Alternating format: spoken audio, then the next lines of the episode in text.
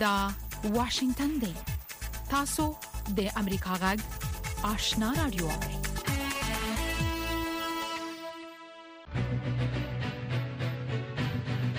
السلام علیکم درنو اوریدونکو زه زیبا خادم یم دا د امریکا غږ آشنا رادیو خبرونه ده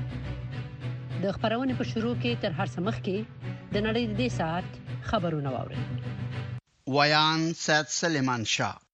د طالبانو انتقالي حکومت له افغانستان نه ګاونډیو هیوادونو ته د غنمو په انتقالولو باندې رسما بندیز ولګاو چارواکو دا پریکړه په داسې حال کې وکړه چې دا وخت په داخل د افغانستان کې د سخت وچکالۍ په وجه غنمو ته ضرورت زیات شوی دی د مالیې د وزارت سرپرست ټولو ګمرکي ادارو ته هدایت صادر کړی دی او غوښتنه کړې چې گاونډي هیوادونو ته د غنمو د قاچاق مخه ونیسي که څه هم چې په افغانستان کې هر کال برابر په 2.9 میلیون هکټر فصلي ځمکه کې غنم کرل کیږي تیرو دریو کلونو مسلسل وچکالۍ لامل حاصلات کم شوي دي د کرهڼې وزارت د اټکل لمخې افغانستان په داخل کې د خلکو د ضرورت د پوره کولو په خاطر هر کال له شپږو نه تر اوو میلیونه ټنو خوراکي مواد ته اړتیا لري د خوراک د نړیوال پروګرام یا دبلیو اف پی د یو تازه رپورت لمخې دا وخت د افغانستان د ټول نفوس سمه نیمایي برخه خلک په فقر او نیستۍ کې ژوند کوي زمون غږ د واشنگټن ناوري د طالبانو د حکومت بدبعتي ویان ذبیح الله مجاهد د مطبوعاتو د سرغړونو د کمیسون د بیا فعالولو خبر تایید کړی دی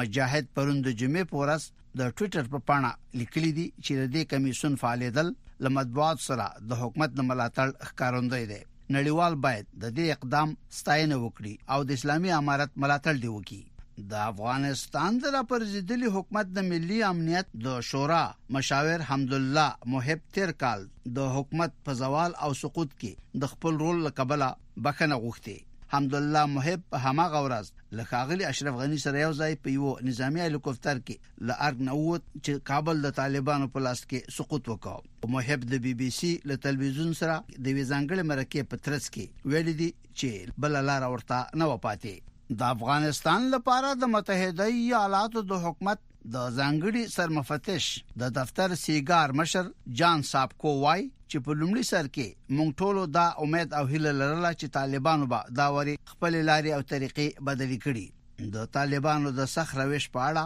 زمونږ اندېښنې په قرار قرار رښتیا ثابتېږي سیګار د افغانستان په باب په یو تازه ریپورت کې ویل دي چې د متحده ایالاتو او د طالبانو د تحریک ترمنځ په دوحه کې د سولې د توافقنامې له لاسلیکول نه وروسته د امریکا پوځ یو دم د پخوانی حکومت له پوځ سره د هوایي ملاتړ په برخه کې خپل مرستې کمې کړې په داسې حال کې چې د امریکا هوایي قواو په 2019 میلادي کال کې 2430 هوایي بمبارۍ کړې وې په 2020 میلادي کال کې 1411 واري د طالبانو هدفونه بمباري کړل د ناروې د بهرنیو چارو وزارت په یو مطبوعاتي بیان کې چې پروند جمعې په ورځ سوریا غوای په دیرشتمه خبره کړې په افغانستان کې د موجوده خراب بشري وضعیت په اړه اندېښنه څرګنده کړې د ناروې د بهرنیو چارو وزارت دا بیانیه د طالبانو له حکومتي چارواکو سره د هیواد د سفیر لندمن د ملاقات په موقع خبره کړې لینډ مین د پخواني جمهور رئیس حامد کرزي سره هم پرون د جمعې په ورځ ملاقات وکړ. د طالبانو رهبر مولوي هیبت الله اخوندزاده د هغو کسانو لپاره د دوو معاشونو د اخیستلو د منع کولو فرمان صادر کړی دی چې په حکومتي دفترونو کې کار کوي او له بل ځای نه هم تنخواه اخلي. د افغانستان او نړۍ خبرونه له امریکا غږ واشنګټن نه اورئ. د متحده ایالاتو د سنا مجلس د پنځشنبه په ورځ د رایو په غوڅ اکثریت له یوکرين سره د نظامی بشري او مالی مرستو په منزور د 40 میلیارډ ډالرو قانوني لایحه چې د بایدن ادارې خواست کړو منزور کړه خاغلی بایدن د سنا د مجلس دغه اقدام هر کله کړي لبل خو جمهور رئیس جو بایدن د ناتو په تړون کې د فنلند او سویډن د شمولیت د درخواستونو کلک ملاتړ څرګند کړی دی سویډن او فنلند چې له روسیې سره ګډ سرحد لري خپل بیطرفي خوندي ساتلې و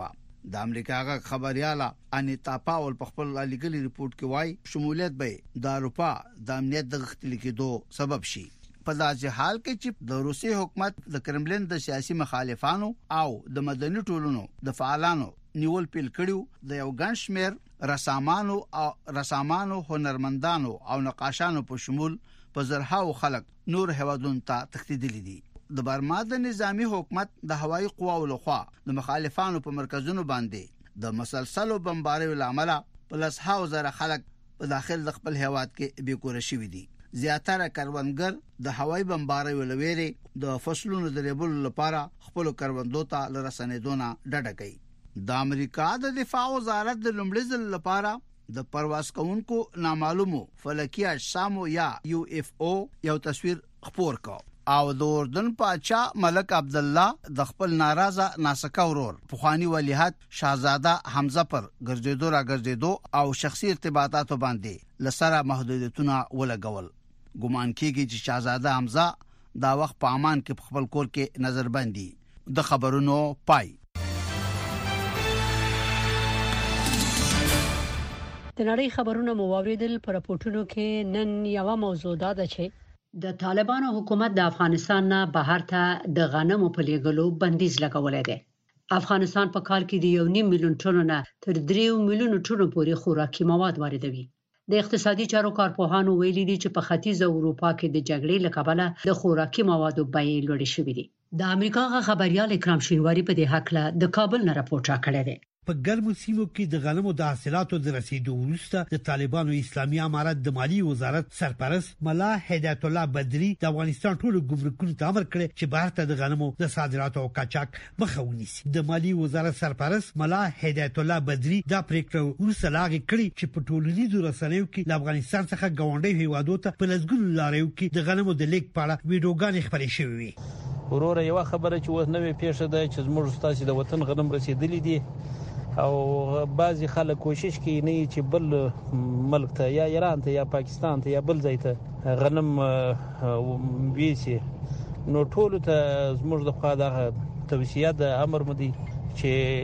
یو دانه غنم خارج ته پرې نږدي الله دې در سره عزیز شي نو دا کار چې ټول متوجي یس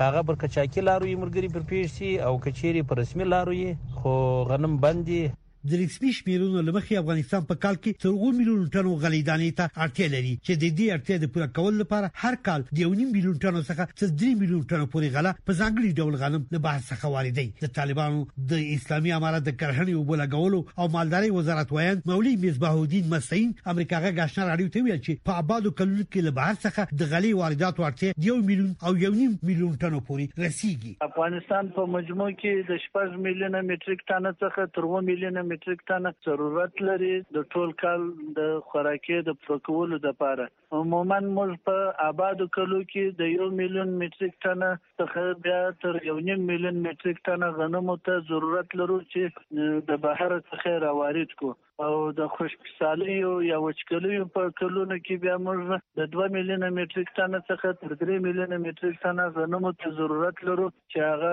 موږ پیدا کو یا راوارد کو یا قرارداد وکړو د ملګرو ملتونو د خوړو د نړیوالې ادارې دبليو ای پی د راپور لمخې پر روان 2022 میلادي کال کې افغانستان کې 2.8 میلیونه خلک د خوړو د مسؤلیت په برخه کې د نړیوال ټولنې مرستو ته اړتیا لري په وروستي میاشتو کې د نړۍ د نورو برخو په څیر په افغانستان کې هم د خوراکي توکو بیې لوړې ختلې دي د اقتصادي چارو وسات ایثار رضای امریکا غږ آشنا راډیو ته ویل چې په ختیځ اروپا کې جګړې په ټوله نړۍ کې د خوراکي توکو بیې لوړې کړې دي خغلی رضای ویل چې روسیه په نړیواله کچه 40% او اوکرين 15% غلدانه تولیدي چې د روان جګړې لامل د دغه هیوادو څخه بهر ته د غلیدالي صادرات ټکني شوي چې ورسره د غلیدالي بیه هم څو چنده لوړه شوې ده عیسی رضی افغانستان کې وچکالۍ ته په پاملرنې وایي چې دا هیواد د خپل اړتیا وړ 50% غنم هم تولید کړي د خپل پاتې اړتیا د پوره کولو لپاره باید د منځنۍ اسیا او پاکستان په بازارونو اتکا وکړي او له دغه هیوادو څخه غنم وارد کړي د اقتصادي چارو دا کارپو د غنمو د صادراتو د بندیدو په اړه د طالبانو د حکومت پریکړه په ځای ګڼي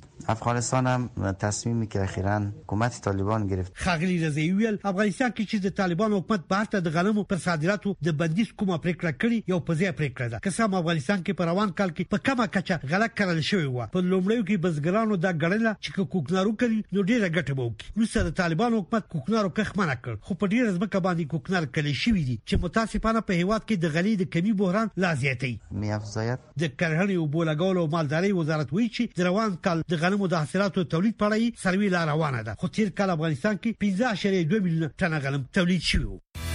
د امریکا غږ د آشنا رادیو په خپلو بیلو بیلو خبرونو کې د نړۍ د ګډ ګډ او د افغانستان په باب جامع به طرفه او موثق راپورونه خبري د امریکا غږ د آشنا رادیو خبرونه مهیروي طالبانو د حکومت د امر بالمعروف او نهی عن المنکر او کلتور وزارتونو په تازه اقدام کې په افغانستان کې تلویزیونونو ته امر کړی دی چې تر دې وروسته ویاندویانې چې د تلویزیون په پردې راښکاره کیږي باید مخونی پټ وي. دې اقدام په ملک کې او د ملک نه بهر عکس العملونه راپارولي دي. یو شمیر ژورنالیستانې وایي چې دا طرحه په ټولنه کې د ښځو د منزوي کیدلو هڅه ده مګر طالبان وایي دا یو دیني امر دی او باید مراعات شي. په افغانستان کې د رسنیو په ښځینه کارکوونکو نوی محدودیت، افغان ژورنالیستانې وایي د خپرونې پر مهال د مخ پټول له ټولنې څخه د دوی د لرې کولو په مانا ده د طالبانو د امر بالمعروف او نهی عن المنکر او د اطلاعاتو او کلتور وزارتونو رسنیو ته امر کړی چې ښځینه ویاندویانې د خپرونې پر مهال باید مخ پټ کړي. موږ ډېر سخت ورته اندېښمن یو او فکر کوم چې دغه محدودیتونه به ورځ تر بلې ډېرېږي، ځکه په لومړیو فرمانونو کې دوی فقط د ایجاب سپارښتنه کړې وه، وروسته له هغې هم په نوي مورد کې چې نن او پرون پېښ شول د مخ پټولو سپارښتنه کړې ده او تر دې وروسته به زما په اند باندې د افغان ښځینه کارکوونکو باندې به دا بندیز هم ولګول شي چې له رسنیو نه یعنې کیني او کار ونه کړي. د رسنیو د ملاتړ ادارې وايي، دا اقدام د ښځینه خبریالانو لپاره د خطر زنګ او د اندېښنې وړ ده. محدودیتهایی که از جانب دولت امارت اسلامی وضع میشه بر فعالیت رسانهها و خبرنگاران این سبب میشه که زنان خبرنگار ما با کار خبرنگاری خداحافیظی کنند و منجر به حسب زنان در رسانه های تصویری و همچنان سایر بخش ها خواهد شد په ولسوالۍ ولایتونو کې ښځینه خبریالانې منع شوې دي حتی د دوی غږ نه باید له رادیو نه نشر شي دې مسلو ته په کتو زما په نظر که لړۍ همداسې دوام وکړي شاید د بیان ازادۍ د تل لپاره په افغانستان کې غږ خاموش شي په ټلویزیوني خپرونو کې د ښځینه ویاندویانو د مخ پټولو حکم بهرني غبرګون هم راپارولي دي. فکر کوم دوه مهم ټکي دلته شته. اول طالبانو په ښکاره دروغ ویلي دي چې په عام محضر کې د ښځو حجاب یوازې یوه لارښوونه ده. سراج الدین حقاني په روانه اونۍ کې کریستین امانپور ته وویل چې دا ښځو ته یوازې یوه توصیه ده. دویم ټکی دا خزو لپاره ډیر زیان منونکي او د غوي د حقونو او د بیان ازادۍ په برخه کې سرغړونه ده او طالبان هڅه کوي چې په افغانستان کې خزي په بشپړ توګه لسانې څخه لري کړي د موبي ګروپ مسولین وایي چې طالبانو د دې امر د اعلان پر وخت ویلي چې دا حکم قاطع دی او د بحث وړ نه دی خواهش ما می است که همه افغان با خواهرای ما او را مراعات بکنن و یک امر دینی است امر است که با عفتشان با عزتشان کمک میکنه با عفت خانوادهشان کمک میکنه تر دې مخکې طالبانو رسنیو ته امر کړی و چې ښځینه کارکوونکې باید حجاب ولري یو شمېر ژورنالستانې وایي چې د طالبانو په راتګ سره اړ شوي چې هیواد پرېږدي په ورته وخت کې د پنجشنبې په ورځ د مطبوعاتو د سرغړونو او د ارزیابۍ کمیسیون هم په خپل کار پیل وکړ او ښايي په راتلونکو څو ورځو کې اطلاعاتو ته د لاسرسي کمیسیون هم خپل کار پیل کاندي. وحید فیضي، امریکا غږ، واشنګټن. د واشنګټن نه د امریکا غږ آشنا رادیو خبرونه اوري. مونږ د امریکا غږ آشنا رادیو نه غږیږو.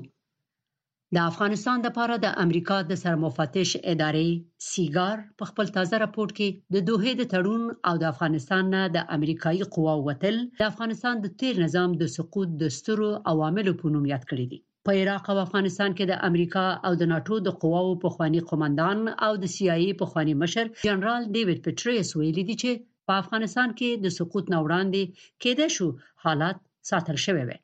پټریس د امریکا غږ آشنا رادیو همکار ارچیوال ته ویلي دي چې د په خپل هم د افغانستان د حکومت د سقوط لامل خپل ملامتیا مني نوموړي د دې پوښتنې په جواب کې چې د سیګار ارزیابي درسته ده یا نه داسې وویل زه فکر کوم د سیګار د راپور دا ادعا سمه ده ما په دې اړه یو لیکنه چې په اټلانټیک مجله کې بجر چاپ شي په ګوته کړې چې د دوه تړون او د ولسمشر ترامپ او ولسمشر بایدن لخوا دا اعلانونه چې امریکایان له افغانستان څخه ووځي د افغان امنیتي ځواکونو، افغان چارواکو او آن د افغانستان د خلکو روحیې ته یې سخت ګوزار ورکړ.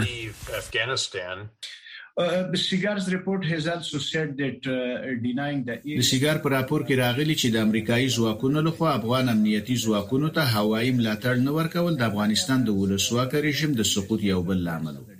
فکر نه کوئ چې امریکا د افغانستان له حکومت، چې د امریکا یو متحد و، سره د مرستې نه کولو له امله باید مسوولیت ومني او پښېماني هم ښکاره کړي.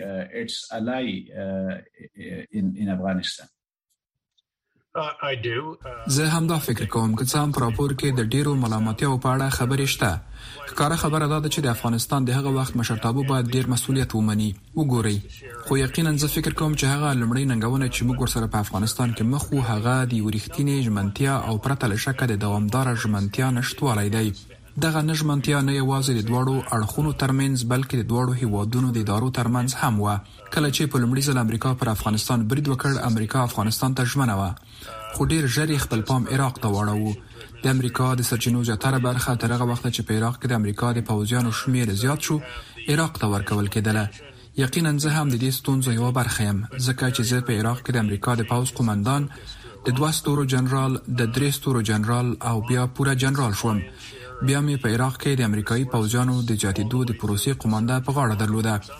د ولسمشر ټرمپ ادارې په افغانستان کې په لومړي سر کې پوځیان زیات کړل. دوی د هوایي ځواک په کارونه ځینې بندیزونه نرم کړل او بیا دوی د طالبانو سره تړون چې د افغانستان حکومت ته یې د داسې یو تړون چې د دوی د هیواد په اړه و په خبرو اترو کې هیڅ برخه ورنه کړه لاسلیک کړ. وروسته بیا د بایډن ادارې سټراټیژیک صبر ونه ښوده او له افغانستان څخه یې د امریکايي پوځیانو د راویستلو پرېکړه وکړه. له دې امله د دوامداره، روښانه او ستراتیژیکې ژمنتیا نشتوالی تل یوه ستونزه وه. تازه تازه د امریکا دفاع وزارت ویلي چې په افغانستان کې د القاعدې ډلې خاموشي تاکتیکي ده او دوی د طالبانو په خوله خاموشه دي. فکر کوئ چې القاعده اوس هم یو خطر دی؟ که دغه ډله په افغانستان کې له مینځه تللي؟ القاعده لا هم موجوده ده. د دې ډلې مشر وخت په وخت اعلانونه کوي او داسې ښکاري چې هغه په قبایلي سیمه او یا ښايي د افغانستان په ختیځ کې وي. خو بیا هم زه فکر کوم نوموړی په پاکستان کې دی. دا د حیرانتیا وړ نه ده چې طالبان ښايي القاعده په خپله خاوره برداشت کړي. د طالبانو یو لوړ پوړي مشر سراج الدین حقاني چې امریکا یې پر سر انعام هم اعلان کړی، ویلي چې طالبان امریکا ته د دښمن په سترګه نه ګوري. ایا امریکا د ملګرو ملتونو او د امریکا له تور لیستونو څخه د طالب مشرانو د نومونو په لرې کولو غور کوي؟ زه په دې اړه نه پوهیږم، تاسو باید له امریکايي چارواکو په دې اړه پوښتنه وکړئ. زه ستاسې نظر په افغانستان کې د امریکايي او ناټو قواو د پخواني قوماندان یا د سي آی اې د مخکیني مشر په توګه نه اخلم. زه د چارو د کارپوه په توګه ستاسې نظر اخلم. امریکا لا هم له طالبانو د ټولګډونه حکومت د جوړیدو، د ښځو د حقونو، د نجونو د زده کړو د حق او نورو غوښتنو کولو ته دوام ورکوي. ایا امریکا به طالبان په رسمیت وپیژني؟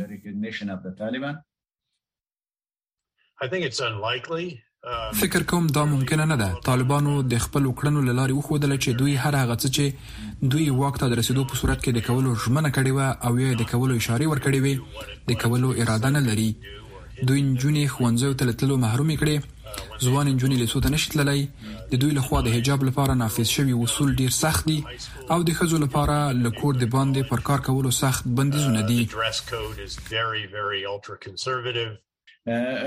اوس چې طالبان په افغانستان واکمن دي، په افغانستان کې د داعش خطر څومره جدي دی؟ دا ګروپ په کمزوري کېدو دی او که په قوي کېدو؟ طالبان چې پخوا د داعش پر وړاندې په اخفا کې جنگونه کول له څو کلونو را پدې خو د داعش پر وړاندې نه دي جنگیدلی موږ فکر کوو چې داعش د طالبانو لپاره په یو ګواښ بدلیدلی شي یقینا د هغو خلکو چې دوی د وژنې مسولیت منلی تقریبا هغه ډول چې القاعده په عراق کې د سنیانو او شیعاګانو ترمنځ په 2000 کال کې د کولو هڅه وکړه هم دغه ډول داعش په افغانستان کې مذهبي او توکمیزو اختلافاتو ته هوا ورکوي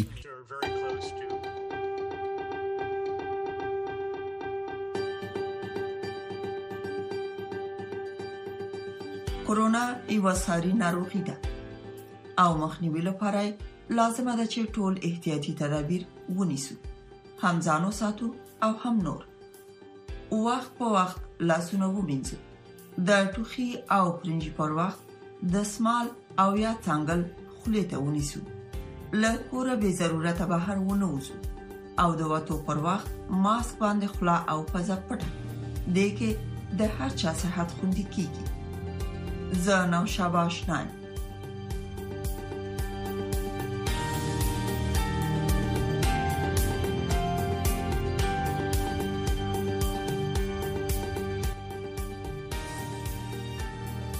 د تودوخې د درجې لوړېدل د کورونا ویروس او په اوکراین د روسیې برید په نړۍ کې د غلجاتو کیمیاوي سرې د شدید کموالي عوامل بلل کیږي په دې حق له راپور تر ساسې پام راغلم د کووډ نه مخکینو ورځو په څیر ډېری ریسټورانټونه او شرابخانې له خلکو ډک دي ځان دښمنه نه یم زه ماسک نه چوم حتی په ریل ګاډي کې هم نه مونږ په کار کې هم نه چوم نو زه به ماسک ونه چوم مایکل ټارچرډ د ښار په لویدیځ کلي کې یو کوچنی رستورانت لري. زه فکر کوم چې د کرونا پېښې زیاتې شوي، خو فکر کوم چې خلک خپل ژوند کوي او د اوس لپاره د کوویډ اندېښنه نه لري. د یوه کاروباري په توګه زه فکر کوم چې دا باید د هر چا خپل انتخاب وي. نیویارک یوازینی ښار نه دی چې لږ خلک ماسکونه اغوندي. امریکایانو په ټول هیواد کې د کوویډ روغتیايي سپارښتنې پریښودې دي. د ګالپ په سروې کې 50 سلنه ځوابویونکو ویلي چې دوی په تیره اونۍ کې ماسک نه دی اغوستی. مطالعې دا هم وموندله چې امریکایانو ترمنځ د ټولنیز واټن کچه شاوخوا 17 سلنې ته راټیټه شوې. یوه موضوع چې زه یې له نژدې تعقیبول خوښوم د نیویارک په ښار کې اضطراري څنګو ته د هغو خلکو شمېر دی چې کرونا په څېر ناروغیو او یا علایمو د درملنې لپاره مراجعه کوي. د دې کسانو شمېر چې موږ لیدلی د مارچ راهیسې په لوړېدو دی خو هغسې نه دی لوړ شوی لکه په دیسمبر او جنورۍ کې چې و. د ساري ناروغو د کنټرول په وینا په تېره میاشت کې د کوویډ د قضیو شمېره دوه چنده شوې. او ډېری امریکنیانو د ماسک استعمالول او ټولنیز واټن بند کړی دی شیناز نفیس امریکا غږ واشنگټن د واشنگټن څخه د امریکا جغ آشنا را ډیو اوري ملګرو ملتونو د چهارشنبه په ورځ خبرداري ورکړ چې د اقدام د نکېدو په صورت کې به په نړۍ کې د خوراکي موادو د کموالي ستونزه کلونه کلونه ادامه ولري. د امریکا د بهرنیو چارو وزیر په نیویارک کې د ملګرو ملتونو په ابتکار د نړۍ د خوراکي توکو د تامین په اړه د دغه سازمان د بهرنیو چارو وزیرانو په جوړې شوې غونډې کې وویل، د اوکراین جنګ په نړۍ کې د خوراکي توکو د امنیت تر ټولو لوی بحران رامنځته کړی دی. ځینې هڅه کوي چې د دې بحران پړه د روسیې په فدراسیون باندې د امریکا د متحد ایالاتو او ډېرو نورو هېوادونو له خوا په لګېدلو بندیزونو واچوي. دا سمه نه ده، کله چې موږ په روسانو باندې د جنګ د ژر بندولو په خاطر بندیزونه لګول، موږ په قصدي ډول او په ډېر احتیاط سره د زراعتي توکو او کیمیاوي سرو لپاره په استثنااتو قایل شوي وو. روسیه او اوکراین د نړۍ په کچه د ټولو تولید شویو غنمو دریمه برخه برابروي. په اوکراین کې د جنګ له امله د زراعتي تولیداتو له منځه تللو د نړۍ په کچه د خوراکي توکو بیې لوړې کړي او د خوراکي توکو امنیت یې د نړۍ په کچه په خاصه توګه په بېوزلو هېوادونو کې له نامعلوم برخلیک سره مخامخ کړی دی. But let's be clear، راځئ چې واضع ووایو، په نړۍ کې د خوراکي توکو د کمښت بحران تر هغه وخته نه شي حل کېدلی چې د اوکراین د خوراکي توکو د تولید پروسه بېرته احیا نه شي او همدارنګه د جنګ باوجود په روسیې او بلاروس کې تولید شوي کیمیاوي سره نړیوالو بازارونو ته لار ونه مومي.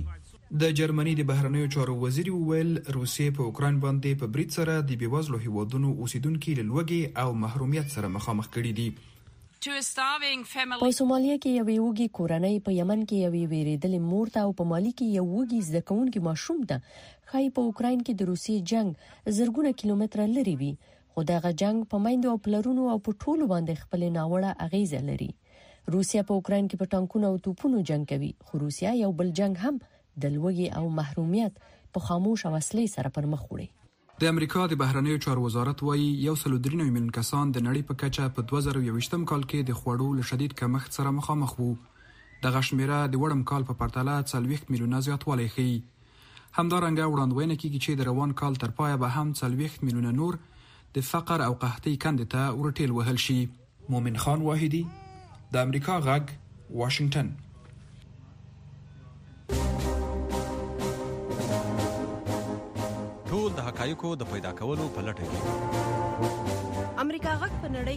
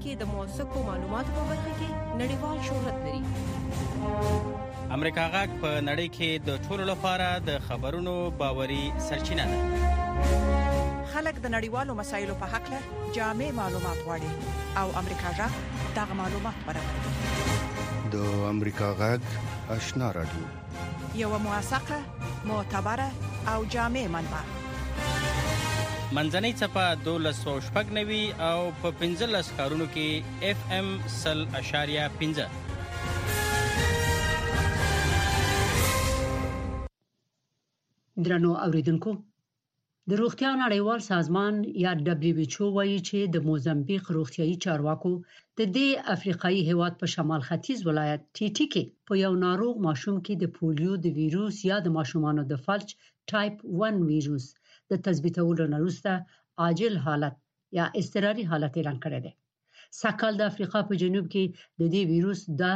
دویمه مثبته پیښه وه په دې حقله د حرارې نه د امریکا غږ د خبریال د رپورټ خلاصه زموږ همکار سید سلیمان شاه لولي د افریقا لپاره د روغتیا د نړیوال سازمان یا ډبلیو ایچ او ساحوي امره ډاکټرې مارت شیډې سوموتې په یوې مطبوعاتي بیانیه کې چې د پنجشنبې پر ورځ په ژنیو کې خپره کړې ویلي دي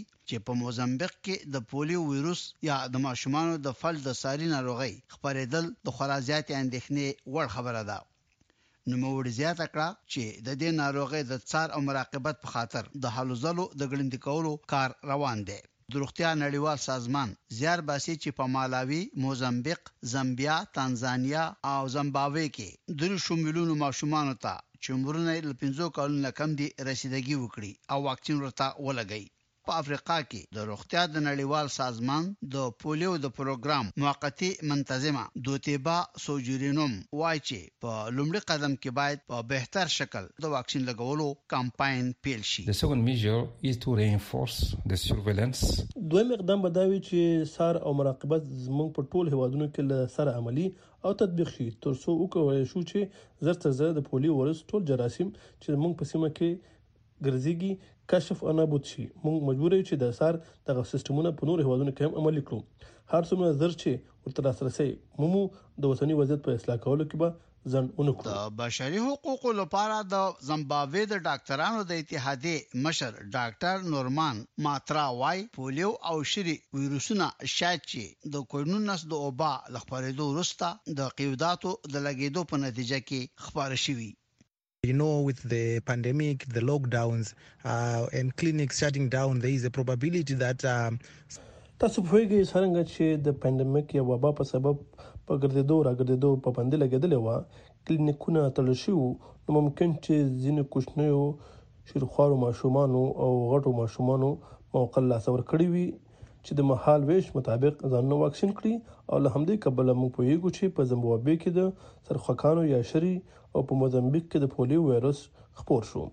واقعا موږ له حکومت نه غواړو چې د کوویډ نولس په خلاف د مبارزې ترڅنګ باید د دغو ساري ناروغیو په خلاف هم کمپاین پیل کړي او زیاته توجه دې هغو سیمو ته وکړي چې پخوا ورته خاصه توجه نه وه شوې. موږ په حکومت هم غږ کوو چې د څار د پیاوړي سیستمونه هم جوړ کړي. د زمبابوې حکومت تېره اونۍ د هغه هېواد په یوه سرحدي ولایت کې چې له موزمبیق سره د ګډ سرحد په اوږدو کې موقعیت لري، د شري یا سرخکانو د ساري ناروغۍ د مثبتو پېښو د زیاتېدو خبر ورکړ.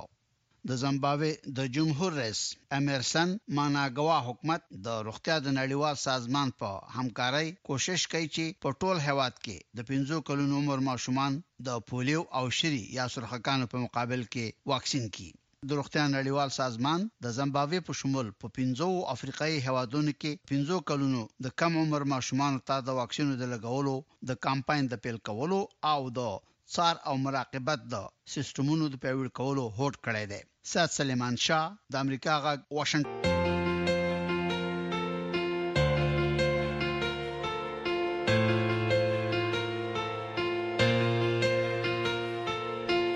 د آشنا رادیو درنو اوریدونکو دا خبرونه هم دلته پای ته ورسیده تر بلې خبرونه تاسو په لوخ دې سپارو اوس د امریکا غږ